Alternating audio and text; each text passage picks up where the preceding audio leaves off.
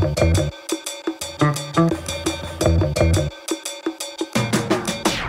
Kans is groot dat u de voorbije weken naar God vergeten hebt gekeken op Canvas, of misschien hebt u er net bewust niet naar gekeken, wat ik ook heel goed zou begrijpen. In elk geval heeft de reeks over seksueel misbruik binnen de kerk enorm veel losgemaakt in Vlaanderen.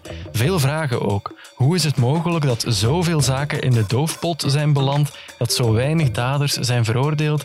En is er nu intussen echt iets veranderd in die katholieke kerk? Daarover gaan we het hebben met de morgenjournalisten Cathy Galle en Douglas de Koning. Mijn naam is Dries Vermeulen. Dit is Duidelijk. Duidelijk, de morgen. Dus hier is dat een dossiertje, maar dat is telkens één mens. Nog één die misbruikt is. Nog een mens, zijn leven verwoest. Nog één. Nog een mens, nog één.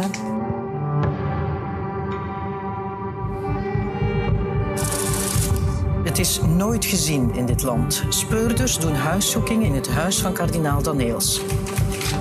Hundreds of priests abused vulnerable victims over a period of decades. In mijn geval is alles verjaard. Het verjaart niet in je hoofd. We vertellen gewoon de waarheid. Want dat is van kapitaal belang dat er eens een einde komt aan die hypocrisie.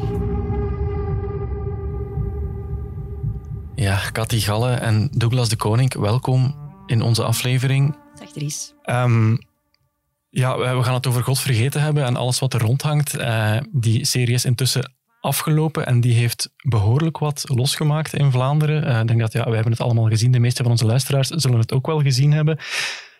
De eerste vraag die ik me daar eigenlijk bij stelde was: hoe komt het in godsnaam dat dit nog altijd nodig is, zo'n programma? Want ik, we hadden dat toch eigenlijk allemaal wel gehad. Iedereen wist over al dat misbruik. Hoe komt het dat daar tot nu toe dan blijkbaar toch niet meer mee gedaan is? Goh, volgens mij omdat we eigenlijk met z'n allen een beetje ingedommeld waren, denk ik. Mhm. Uh, we hebben het inderdaad um, in 2010 allemaal meegemaakt, uh, zien, of sinds 2010. Die verhalen gehoord van slachtoffers. Door het nu in beeld te brengen, denk ik, op televisie, dus met echte mensen de gezichten te zien, de verhalen te horen, de intensiteit van de verhalen ook, de expliciete verhalen ook. Daardoor komt dat heel hard binnen, denk Mhm. ik. Uh, waarom we dat nodig hadden, of waarom de makers dat gedaan hebben, is volgens mij omdat er eigenlijk nog... Er is al heel veel gebeurd sindsdien, maar je merkt het aan de verhalen die daar uh, aan bod komen, dat we er nog altijd niet zijn. Uh, Ja. Die mensen worden nog altijd niet... Er zijn nog altijd een aantal van de daders, van de slachtoffers in die reeks, die ergens vrij rondlopen, die niet gestraft zijn, die ook op geen enkel manier tot de orde geroepen zijn. Dus daarom is dat nog altijd nodig. Ja, en dat is ook wat ik bedoelde. Hè. Het is heel erg duidelijk dat dit programma nog nodig was. Dat merk je echt wel aan alles. Maar hoe kan het in godsnaam dat dat nog altijd het geval is? Hè? We, we hadden die dingen eigenlijk toch al aangepakt of aangepakt moeten hebben. Uh, in, in 2010 was er Operatie Kelk, een heel groot onderzoek naar dat misbruik in de kerk, waar dan blijkbaar toch te weinig is uitgekomen. Cathy, jij hebt dat toen van heel nabij gevolgd als journalist. Misschien voor onze wat jongere luisteraars, want die zijn er ook, die het misschien zich helemaal niet herinneren, Operatie Kelk. Kan je dat nog eens even gewoon samenvatten? Wat, wat was dat eigenlijk en wat is daar precies uitgekomen? Ja, eigenlijk is het begonnen met uh, een aantal berichten uit um, andere landen, waar plots verhalen kwamen van misbruikverhalen binnen de kerk. Mhm. Uh, dus misbruik door geestelijken of mensen in een pastorale relatie, zoals dat dan heet. Ook bij ons kwamen daar eigenlijk zo'n mondjesmaat verhalen van mensen die ooit misbruikt geweest zijn door een geestelijke of in, binnen zo'n relatie. En dan werd er een uh, commissie opgericht binnen de kerk om daar eigenlijk iets mee te doen. De commissie Adriaansens heette dat. Dus Mhm. dat was onder leiding van Peter Adriaansens. Ja, de kinderpsychiater. De kinderpsychiater, gespecialiseerd ook in eh, slachtoffers van Mhm. seksueel misbruik. Dus zij waren getuigenissen aan het verzamelen en probeerden eigenlijk, want dat waren getuigenissen van feiten die verjaard waren. En die probeerden eigenlijk te bemiddelen opnieuw tussen eh, slachtoffer en dader. En daar zijn een aantal dossiers wel van bekend dat die eigenlijk heel goed gelukt zijn. Dus dat mensen echt wel het gevoel hadden van ik heb hier erkenning gekregen en dat is voor mij afgegaan. Dat niet iedereen natuurlijk, maar... Dus die waren dat werk aan het doen.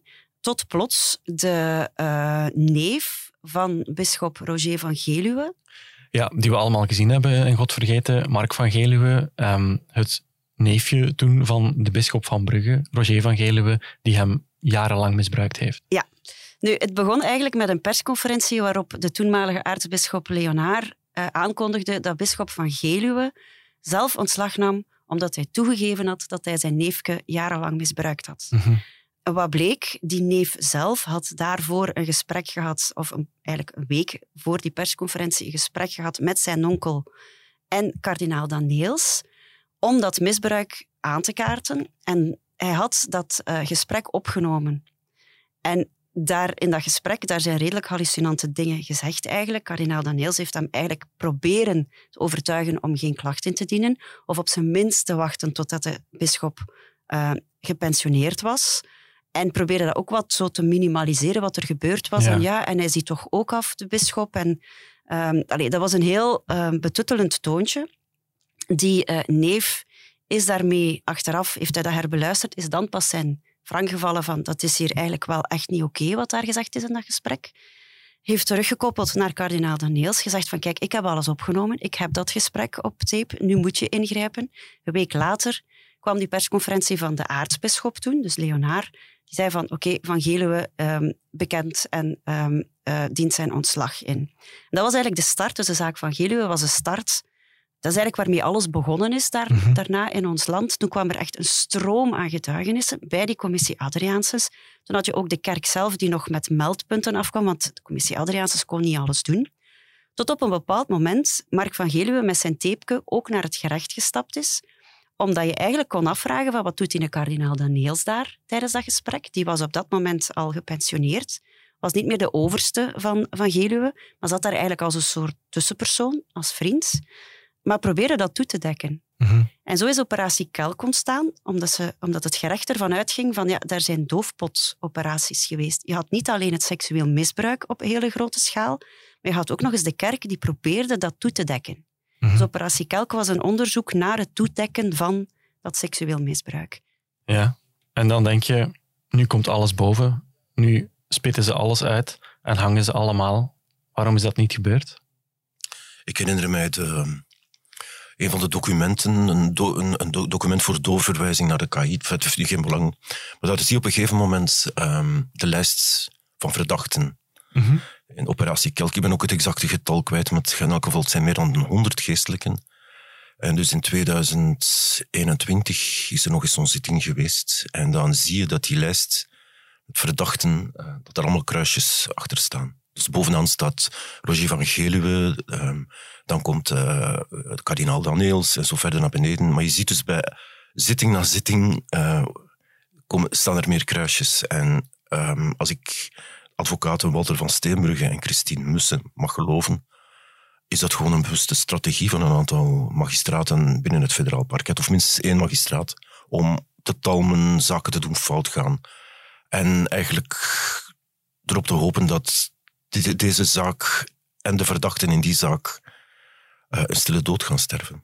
Mm -hmm. Dat is een beetje het, wat ik mis in God vergeten, is dat men daar een beetje omheen fietst. Aan de andere kant, ik ken de makers intussen vrij goed. Uh, ik weet dat zij drie jaar hiermee bezig zijn geweest. Ze hebben ontzettend veel getuigenissen verzameld. En al wie ooit hierover heeft geschreven, ik denk dat Cathy dat gaat kunnen beamen, met een slachtoffer in deze context praten zit je met iemand die uh, um, niet alleen uh, die persoon is misbruikt, maar ook de hele leefomgeving. Die mensen staan vaak nog, nog in geloof. Die, die hebben het heel moeilijk om, uh, ik zeg maar iets stoms, tegen een journalist van de morgen dit verhaal te vertellen, of tegen iemand van, van Mhm. Canvas. En ik vind de grote verdienste van, van Ingrid Schildermans en Ibe Daniels dat zij de tijd hebben genomen om die mensen Dat zijn de makers van de televisiereeks. ja, om die, om die mensen te doen vertellen, uh, het doen, het laten herbekijken, het uh, mee onderhandelen over wat wel, wat niet. Want ik heb begrepen dat er ontzettend veel slachtoffers tijdens het proces uh, eruit gevallen zijn, om, om alle mogelijke redenen. Mm -hmm. En ja, ik, ik vind dat zij een historisch document hebben gemaakt. Ja. Absoluut, ja. En je, je merkt ook dat door God vergeten, um, ja, het hele operatie Kelk-gedoe, zeg maar, weer naar boven komt. Want ik volg Douglas zeker. Daar zijn duidelijk vertragingsmechanismen in, in gang gezet. Daar is van alles raar gelopen. En dan druk ik mij eigenlijk heel voorzichtig uit. Walter Mhm. van Steenbrugge zou zeggen van het is, het is allemaal hè, eh, naar de knoppen geholpen. Wat ook voor... Ja, het zijn de feiten, de zware dossiers die in beslag genomen zijn destijds, die zijn nietig verklaard op een bepaald moment. Die mogen niet meegeteld worden in het onderzoek. Daar zijn heel rare dingen gebeurd. Daar zijn dingen op de lange baan geschoven. Daar zijn mensen die plots een verklaring afgelegd hebben waarvan achteraf bleek van dat klopt totaal niet, dat is gelogen. Daar zijn heel veel elementen in die operatie, operatie Kelk. Loopt trouwens nog altijd. Ik weet niet of veel mensen dat eigenlijk weten, maar dat is niet afgesloten. Dat is gewoon blijven sluimeren, zeg Ja. maar. En dankzij God vergeten spreken we er weer over. Dankzij God vergeten heeft, ehm, ja, zijn we weer bezig van hoe zit dat daar nu eigenlijk mee? Moeten we niet eens gaan kijken van...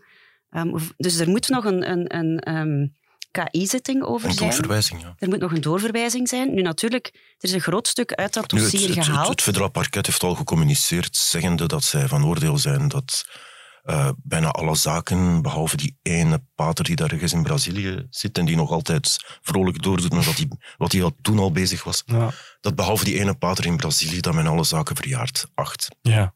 Want dat is nu wel ja, een vraag waar veel mensen volgens mij zijn, mee zijn blijven zitten. Ik ben er in elk geval mee blijven zitten. We zien daar die beelden van die huiszoekingen bij kardinaal Daniels thuis, bij de, de commissie Adriaansus, bij het aartsbisdom. Al die dozen met dossiers die door de vensters vliegen. En op een bepaald moment zijn daar dan heel wat dossiers verdwenen en ook uit het onderzoek gehaald omdat ze onrechtmatig verkregen zijn. Of moeten Oh, dat is een heel ingewikkelde juridische Ja. discussie, maar wat misschien interessant is om, om even in herinnering te brengen. Walter van Steenbrugge publiceert, denk volgende week, zijn nieuwe boek. Deze week. Ehm, Deze week. Ja. Hij beschrijft daarin dat daags na die huiszoekingen in Mechelen op het aartsbisdom, dat er in, in Gent eh, een landbouwerspaar, oude mensen, eh, hij is gecontacteerd door de zoon. Hij beschrijft dat daar op een gegeven moment die, me- die oude man met een vrachtwagen naar het bisdom in Gent is gereden. En daar hond, ja, massa papier heeft ingeladen en is dan diezelfde dag op het erf. eh, bij die, hij beschrijft het dorp waar het gebeurt. eh, wordt dat daar allemaal in brand gestoken. Ah, ah bon. We hebben trouwens één karton van die hele hoop, hebben, hebben, is het toch in het dossier blijven zitten. En wat je daarin ziet, is een hele reeks brieven met meldingen van seksueel misbruik, teruggaan tot de jaren zestig van de vorige eeuw. En waarin de bisschop ehm, antwoordt, ehm, maar eh, je hebt hem vergiffenis geschonken, oké. Hij, hij- hij is gaan biechten, oké, dan is het eh, allemaal goed. Mhm. En we horen dan nu van mensen als bijvoorbeeld professor Rick Torfs dat de kerk helemaal geen macht meer heeft in dit land. Als je dan hoort dat dossiers verdwijnen, worden verbrand of uit het onderzoek worden gehaald, dan is het toch heel moeilijk om daar niet de lange arm van de kerk in te zien die haar macht heeft gebruikt om, eh, om, om dat onderzoek te sturen. Of is daar een andere verklaring? Dat is in ieder geval wat Walter van Steenbrugge gelooft en wat heel veel mensen geloven. En waar het ook wel ja, ergens op lijkt, denk Mhm. ik. Maar het blijft heel eenvoudig. Hè. Ehm, als een van ons drieën hier dingen doet die, die in deze context gebeurd zijn. We leven nog altijd in een rechtsstaat. Jongens, eh, eh, als daar meldingen komen, wordt, wordt dat vervolgd. Eh, de kerk mag dan misschien minder macht hebben dan ze die enkele decennia geleden had. Maar deze zaak toont wel aan dat, dat zij toch erin slagen om daders van ernstige misdrijven boven de wet blijven staan.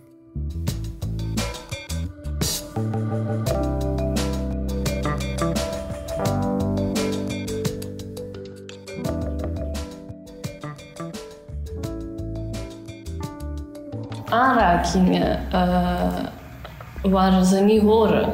Toen ik 13 was, borsten, eh, geslachtsdelen. Toen ik 16 was, was het al eh, oraal seks. Ik dacht dat ik dat allemaal had uitgelegd. Jij was een vrije vrouw, hij was een getrouwde man. Dat is niet strafbaar. Maar het is wel onheus.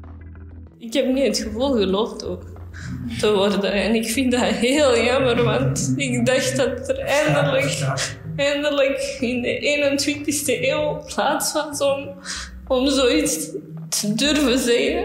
Ik heb geen elementen om u niet te geloven. En ik heb ook geen elementen om hem niet te geloven. Die gaat gewoon verder rondlopen alsof er niks gebeurd is.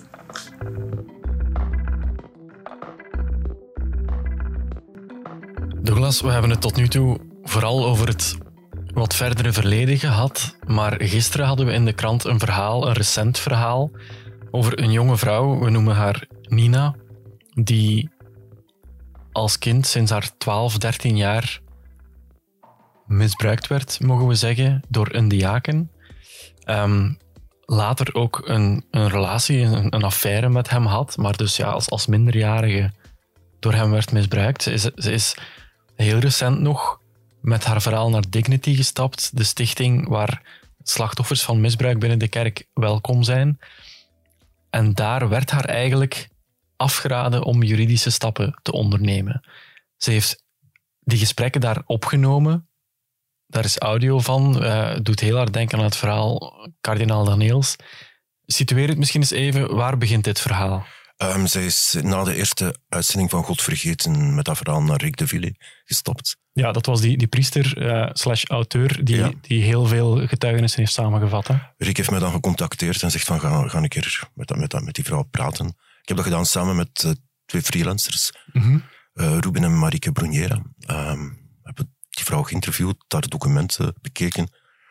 En wat, komt, wat komt hier naar voren? Deze, zij is in het jaar 2000 op haar, ze was toen acht, met haar moeder vanuit een Balkanland naar hier gekomen. Ze is opgevangen door de Sint-Egidius-gemeenschap hier in Antwerpen. Vanaf haar twaalfde leeftijd beschrijft zij dat zij aanrakingen onderging van een bepaalde man die dan later, die daar verantwoordelijk was voor de opvang van vluchtelingen, dan later diaken is geworden. In 2022, dus in maart van vorig jaar, heeft zij dat binnen die geloofsgemeenschap proberen ja, ze worstelde met, met zichzelf. Uh, heel klassiek verhaal. Meestal is dat rond de leeftijd van 30. Dat is dat ook in al die slachtoffers van God vergeten. Dat is zo mhm. het, het, het moment om een of andere reden dat, dat men beseft dat er toch iets niet klopt. Dus zij heeft dat aangekaart binnen de geloofsgemeenschap en dan gebeurt er iets heel vreemds. Um, zij contacteren onmiddellijk Dignity.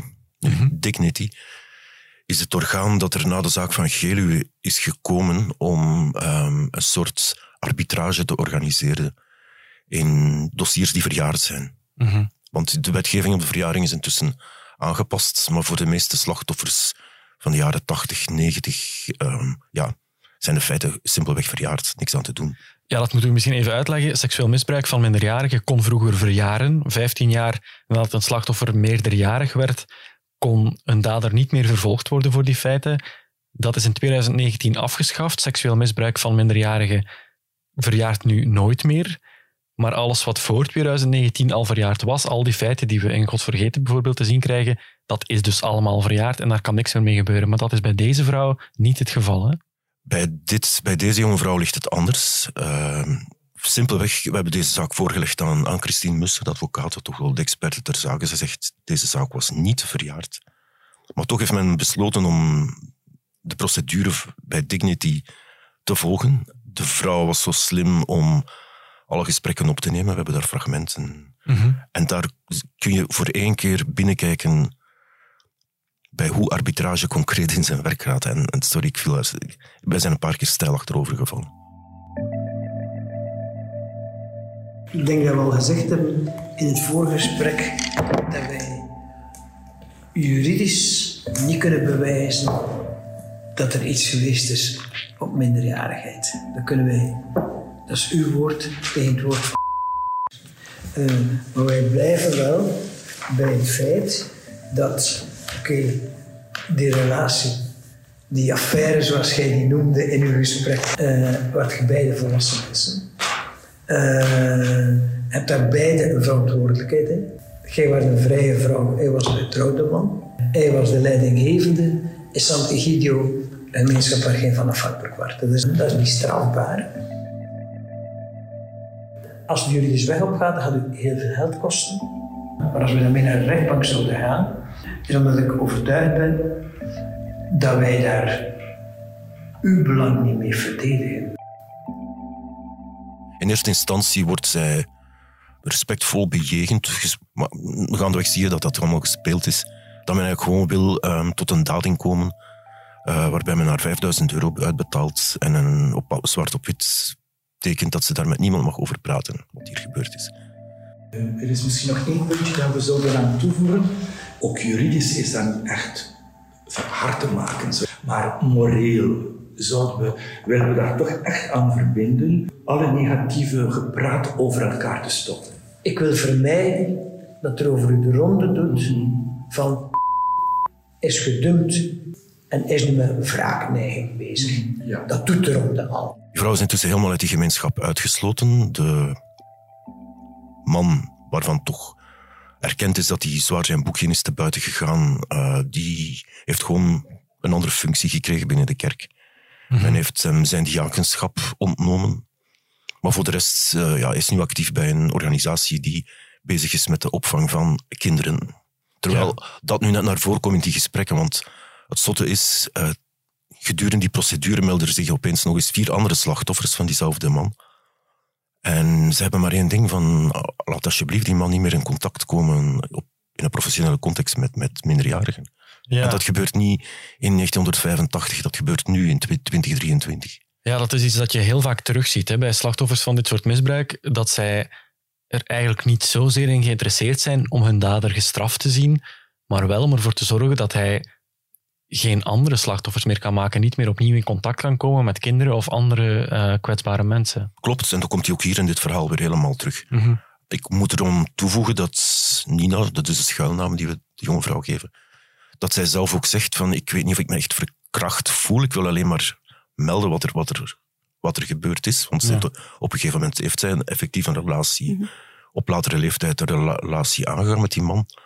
Maar gebruikt dat eigenlijk om maar in het hoekje weg te drummen van ja, maar je waart zelf ook verliefd. In een relatie heb je een medeplichtigheid. Ook al vinden wij dat hij dat niet had mogen doen. Hè? Wij, vinden, wij, wij, wij, wij, wij, wij leggen hem dat ten laste. Maar ik moet ook zeggen, ik had dat ook niet mogen doen. Had dat ook niet mogen doen. Als je daar met een volwassen oor naar luistert, dan vrees ik dat je alleen maar kunt vaststellen dat er nog een hele weg af te leggen is. Mhm. Ja, en dat is wat zo moeilijk te begrijpen is voor buitenstaanders. hè. We horen hier Manu Kersen, die aan het hoofd staat van Dignity, die eigenlijk zegt van je bent medeplichtig, ga hier niet meer naar het gerecht, want je zal dit verliezen en het gaat alleen maar veel geld kosten. Is dat dan echt... Kan je dat zien als goed bedoeld advies, dat hij echt eh, gelooft? Of is dit een poging opnieuw om iets toe te dekken? Goh, ik vrees het tweede. Dat kan nooit goed advies zijn. Hè? Je hebt een misdrijf ondergaan, eh, ga niet naar het gerecht, want ze gaan je niet geloven. Het, het erge aan, aan de manier van handelen, wat er gebeurd is, is allee, het gaat hier om iemand die heel erg kwetsbaar is, die als kind erge dingen meegemaakt heeft, die dat als kind, zoals Douglas zegt, van als kind besef je niet dat dat erge dingen is. Je beseft ergens van het is niet helemaal oké, maar je beseft de draagwijte daar niet van. Dan kom je op een volwassen leeftijd, ben je helemaal in de war. Spelen er allerlei dingen mee en dan pas kom je tot besef van er is iets gebeurd. In die kwetsbare situatie kom je dan tegenover iemand te staan die tegen u zegt, ja, maar ze gaan u toch nooit geloven. Dat is van zo'n grofheid, zeg maar.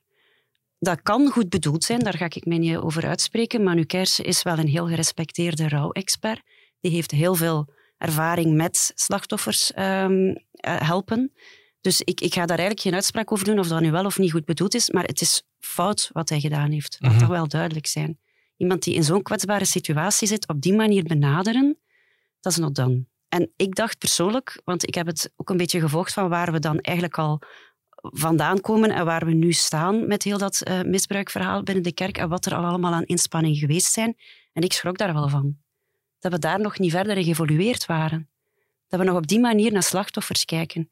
De moeilijkheid aan die misbruikverhalen is altijd dat ehm, mensen het gevoel hebben van ze gaan mij nooit geloven. Ja. En dan zit daar zo'n expert voor u en die zegt, maar ze gaan u niet geloven. Mhm. Dat is u helemaal de grond induwen. Mhm. Ik dacht dat we verder stonden.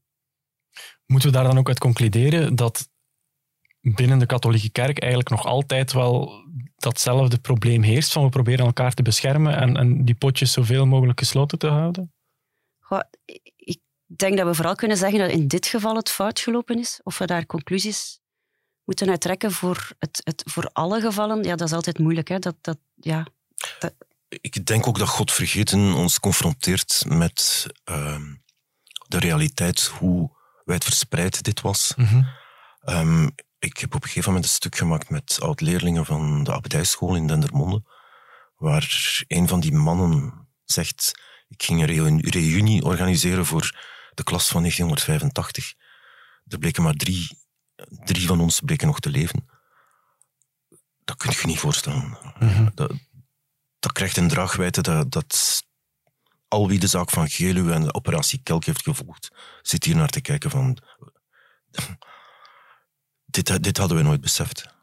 Dus ja, als je, als je, als je vraagt, ehm, is het erop verbeterd? Ja, het zou er nog, het zou er nog aan ontbreken. Eh, ik, ik hoop, mag hopen dat het soort toestanden zoals in die internaten van, van, van de broeders van liefde, die daar ook zelf over communiceren en heel eh, uitdrukkelijk eh, dat verleden benoemen, wat dan ook ergens hier tijdendagse leiding van de broeders van liefde.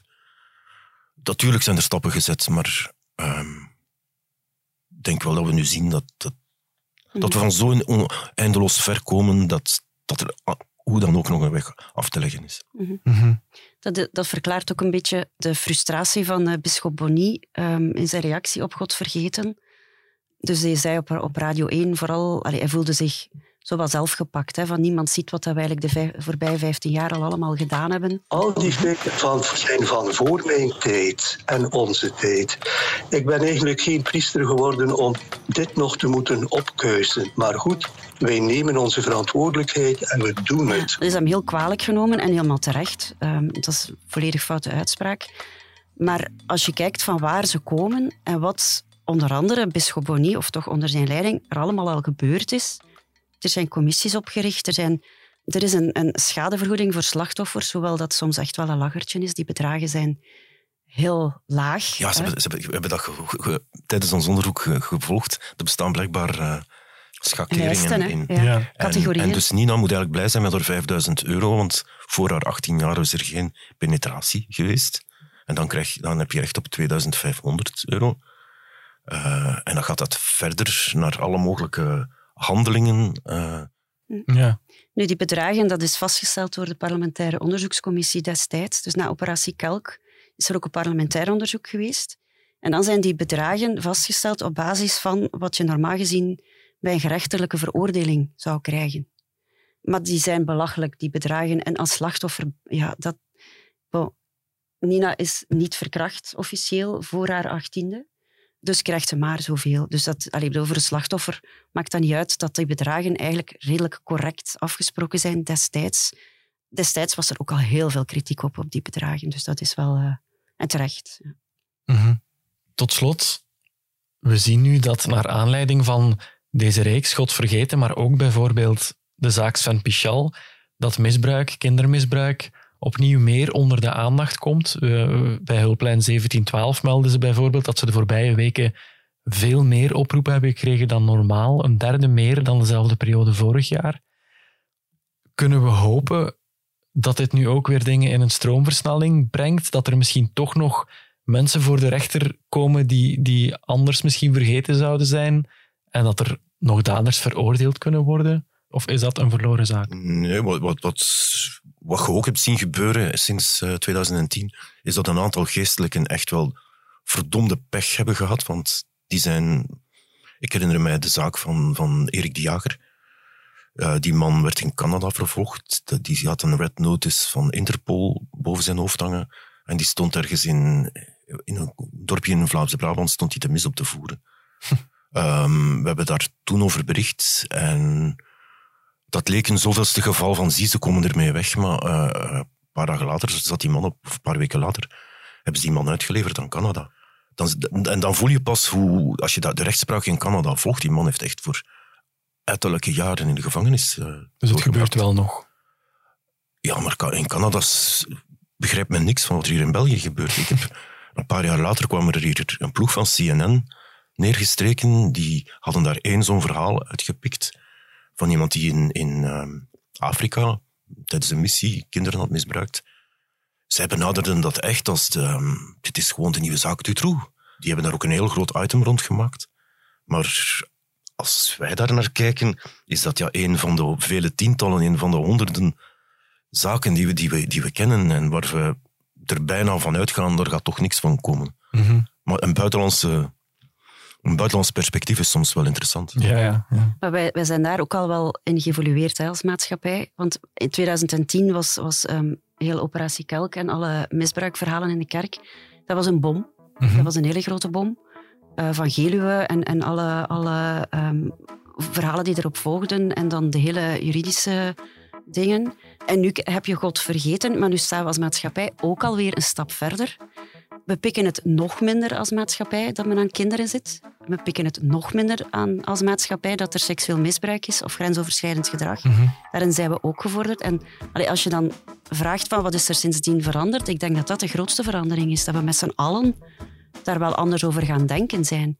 Ehm, ik herinner mij vooral in 2010 dat er ook veel verhalen waren van mensen die een bepaalde leeftijd hadden, die ook dat soort dingen meegemaakt hebben, maar die zelf redeneerden, ja, maar dat was die een tijd. Ja. Dat was Ja. zo.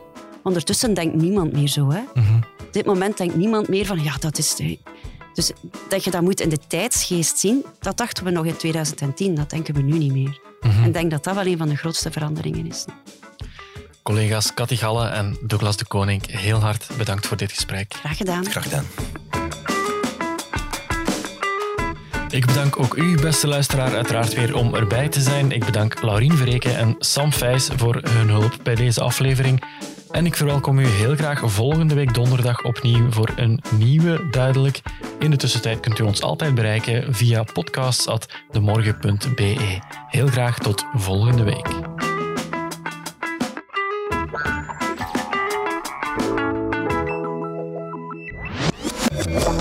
Duidelijk, de morgen.